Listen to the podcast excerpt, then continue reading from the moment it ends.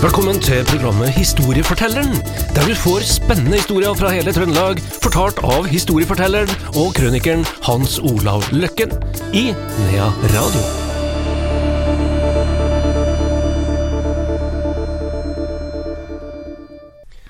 Historiefortelleren eh, med spesialtema jul er tilbake igjen. Hans Olav Løkken og Andreas Reitan sitter her i studio. Eh, vi avslutta litt tragisk, må vi nå si, den lille julaften på Ertsgård i Stjørdal sist, eh, Hans Olav. Ja. Der det brant, Ja, dessverre. ja. Det var ganske mange branner der, og det, det er en ganske naturlig forklaring. Det måtte fyres for å holde varmen, og de var sårbare, for det var lett antennelig. Da. Men øh, vi er jo liksom ikke helt ferdig med forberedelsene heller. Nei, vi må, vi må gjøre oss ferdig. Vi må gjøre oss litt ferdig, og da, da vil jeg begynne med en ting som jeg ofte har tenkt på. Eh, husker du, eh, eller husker, sier jeg, vi har det jo en dag i dag, Lucia. Som antagelig kommer, jeg regner med at det kommer fra katolsk, da, og, og, og lenge før der, ikke sant. Men jeg husker eh, det her er jo veldig personlig, altså folk må jo begynne å lure på om det er sånn overalt i verden, men det er det ikke. Altså, men altså, jeg, jeg snakker om min erfaring. Og, og på den plassen jeg vokste opp, og på den skolen, og hos hun lærerinna, så var Lucia en veldig sånn jenteting. Og det er vel i og for seg ikke unaturlig for Lucia, er vel fortsatt jente, er det ikke det, jeg tror? Hun var jente. Det var jente, og det er vel øh, Ja ja, i likestillingens verden så vet jeg snart ikke, det blir vel kanskje noen krav der òg, men øh, det var jente, ja. Og, og øh, jeg husker liksom vi, vi kjekke, sånn halvtøffe gutter, vet du, vi syntes det der var liksom noe sånn kliss. Det var liksom jentegreier, det. Så, og, og det er litt sånn, det er jo selvfølgelig tåpelig, men det, vi var sånn. Dere ville ikke være med, da? eller? Nei, vi, vi var ikke med på det der. Nei, vi var ikke, nei, det der var vi ikke med på. Det der var for jentene. Ja. Og det, det var jo sånn eh, Rollemønster er jo klart. Vi, vi, vi blir jo indoktrinert fra vi er små av. Og jeg, jeg kan ikke huske at vi guttene hoppa paradis, altså. Eller, eller, eller hoppa tau. Eh, kanskje var vi borti og øyla litt for dem og hoppa i tauet for oss å prøve det sånn, men, men å hoppe paradis var sånn, sånn jenteting.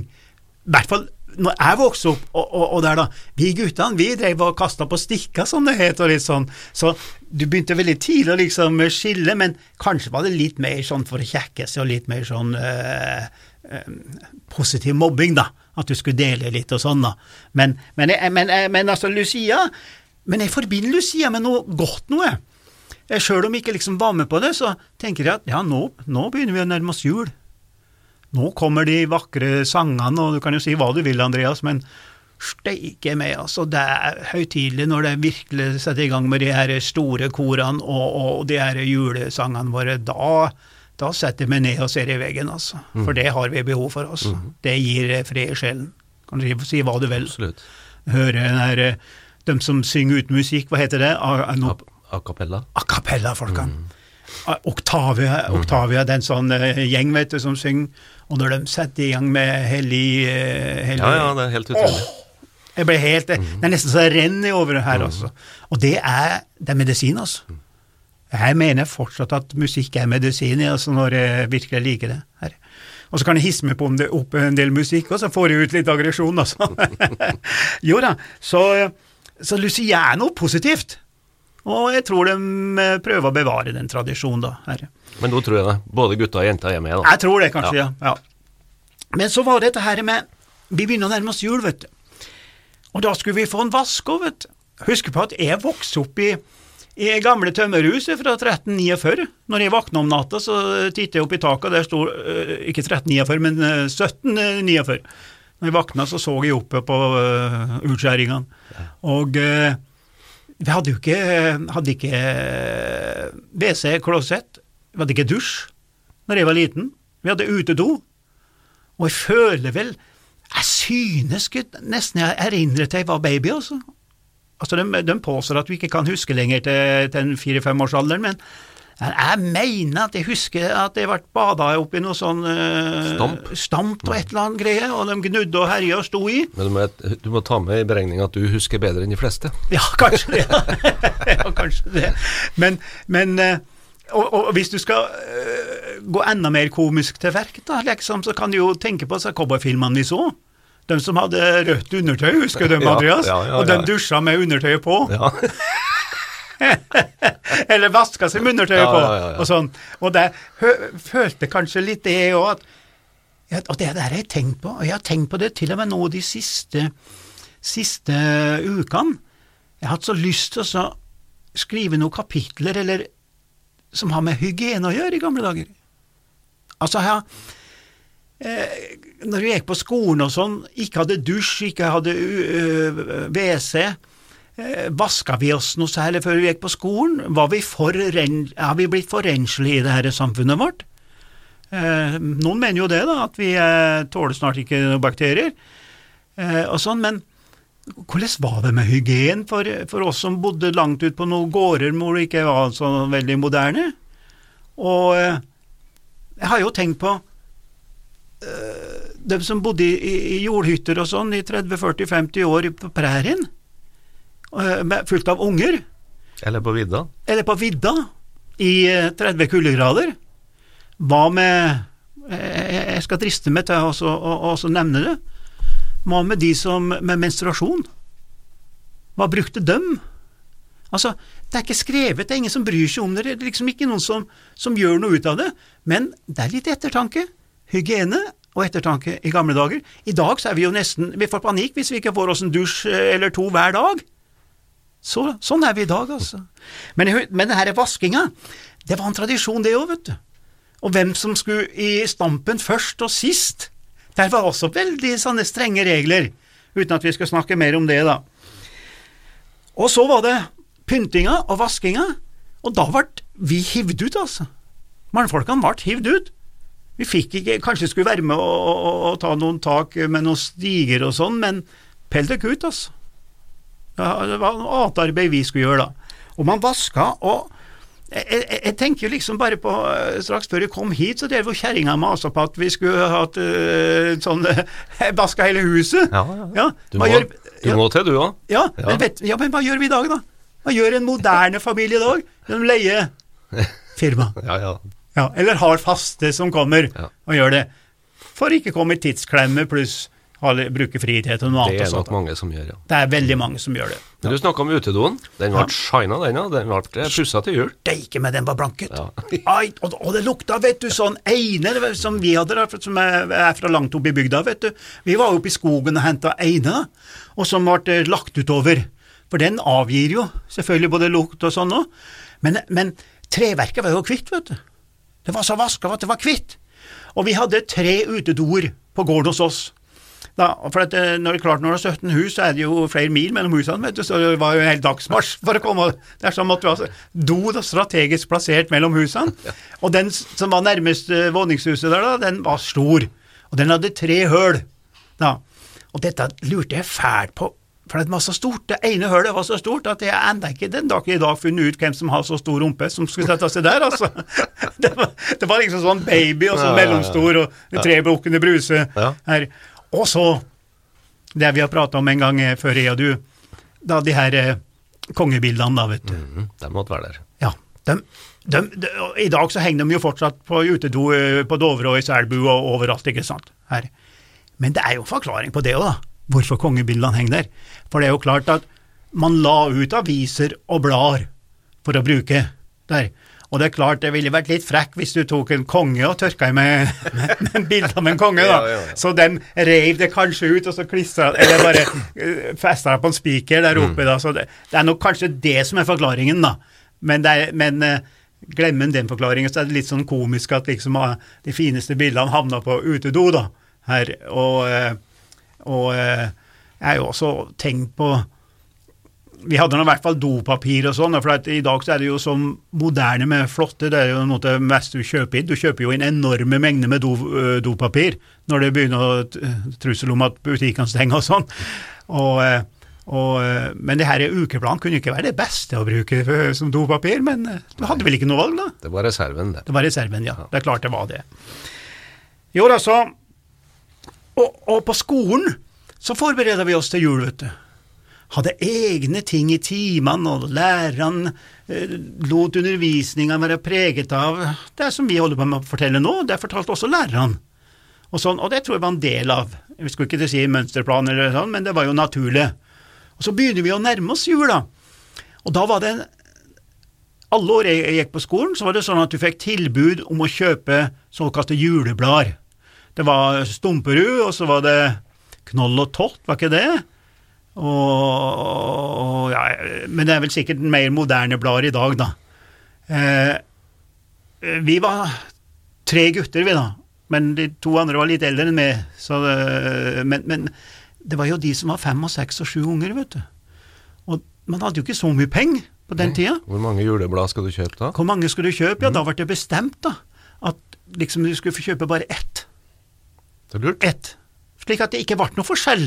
Slik at ikke en kom og kjøpte fem, og en hadde knapt råd til å kjøpe ett, da. Det var en sånn, eh, skal vi si, stille regel som, som var på min skole, da. Men det er ikke sikkert det var andre plasser. Men, men man gleder seg til det her i julebladene. Og eh, det er jo mange som samler på sånt i dag. Jeg tror det er en viss verdi i den samleverdien. Altså. Så, eh, så kom da sjølve avslutningen før jul, som har skapt så veldig mye strid de siste 20-30 årene, om du skal gå til kirka eller ikke. Eh, vi tenkte jo ikke over det. Det var ikke, var, ikke, var, var ikke noe debatt når jeg gikk på folkeskolen eller framhaldsskolen. Eh, du gikk, og du gikk klassevis, og læreren var med.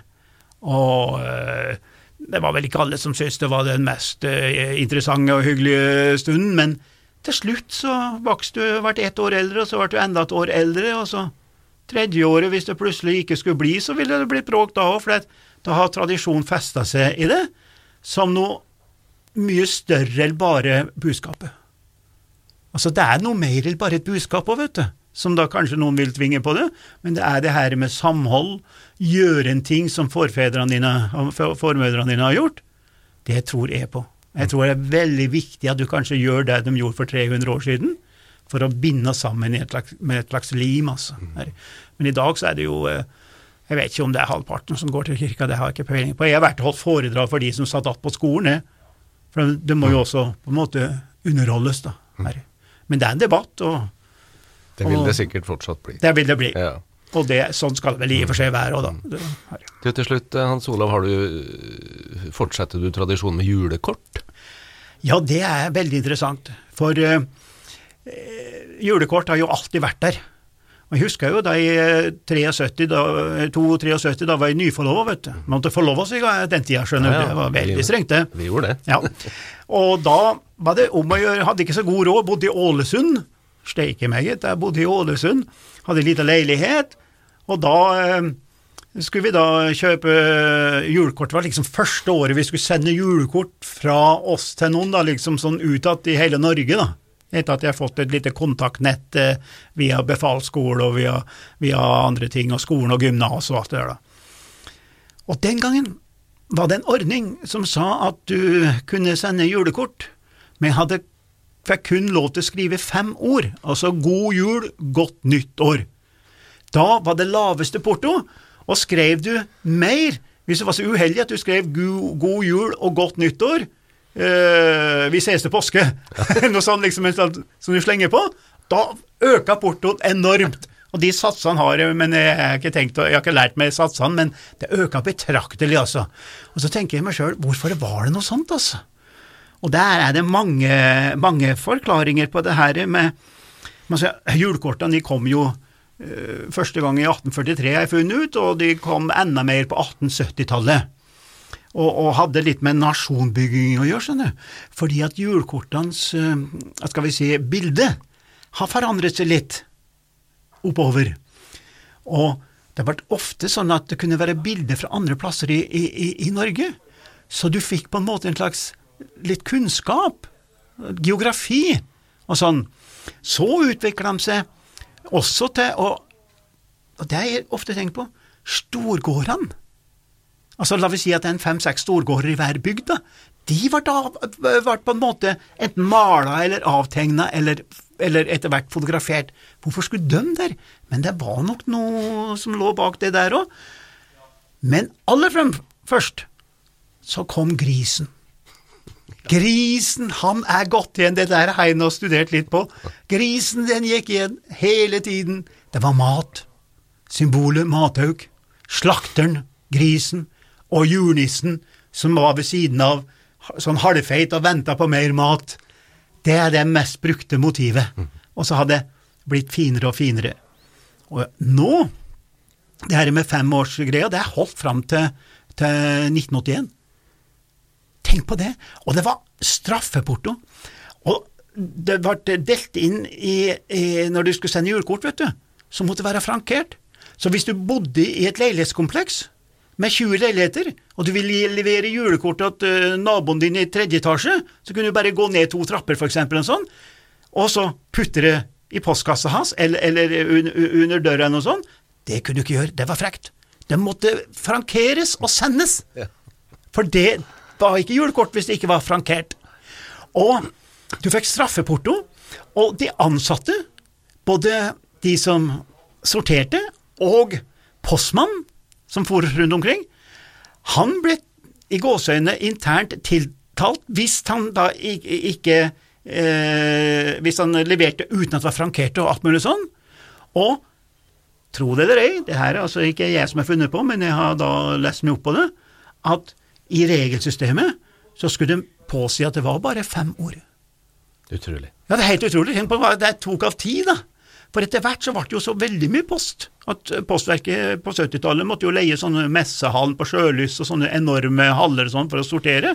Men, og da står det der fra de her ekspertene som, eh, som kan veldig mye, en som heter Ivar Ulvestad og sånne, sånne historikere på innen Postverket og sånn, de sier at reglene var klar, men det vannes jo ut. De kunne jo ikke stå der og telle antall ord, da. Men det er jo helt merkelig. Og i dag hva slags julekort er det jeg mottar, da, som har så mye kontakter i Amerika? Jo, jeg mottar det her digitale, hvor de da er kunstnere som har laga, og så kjøper du på en måte eh, der, eh, så det kommer fra et firma der. Og så har julekortene fått en slags samvittighetsgnaging over seg.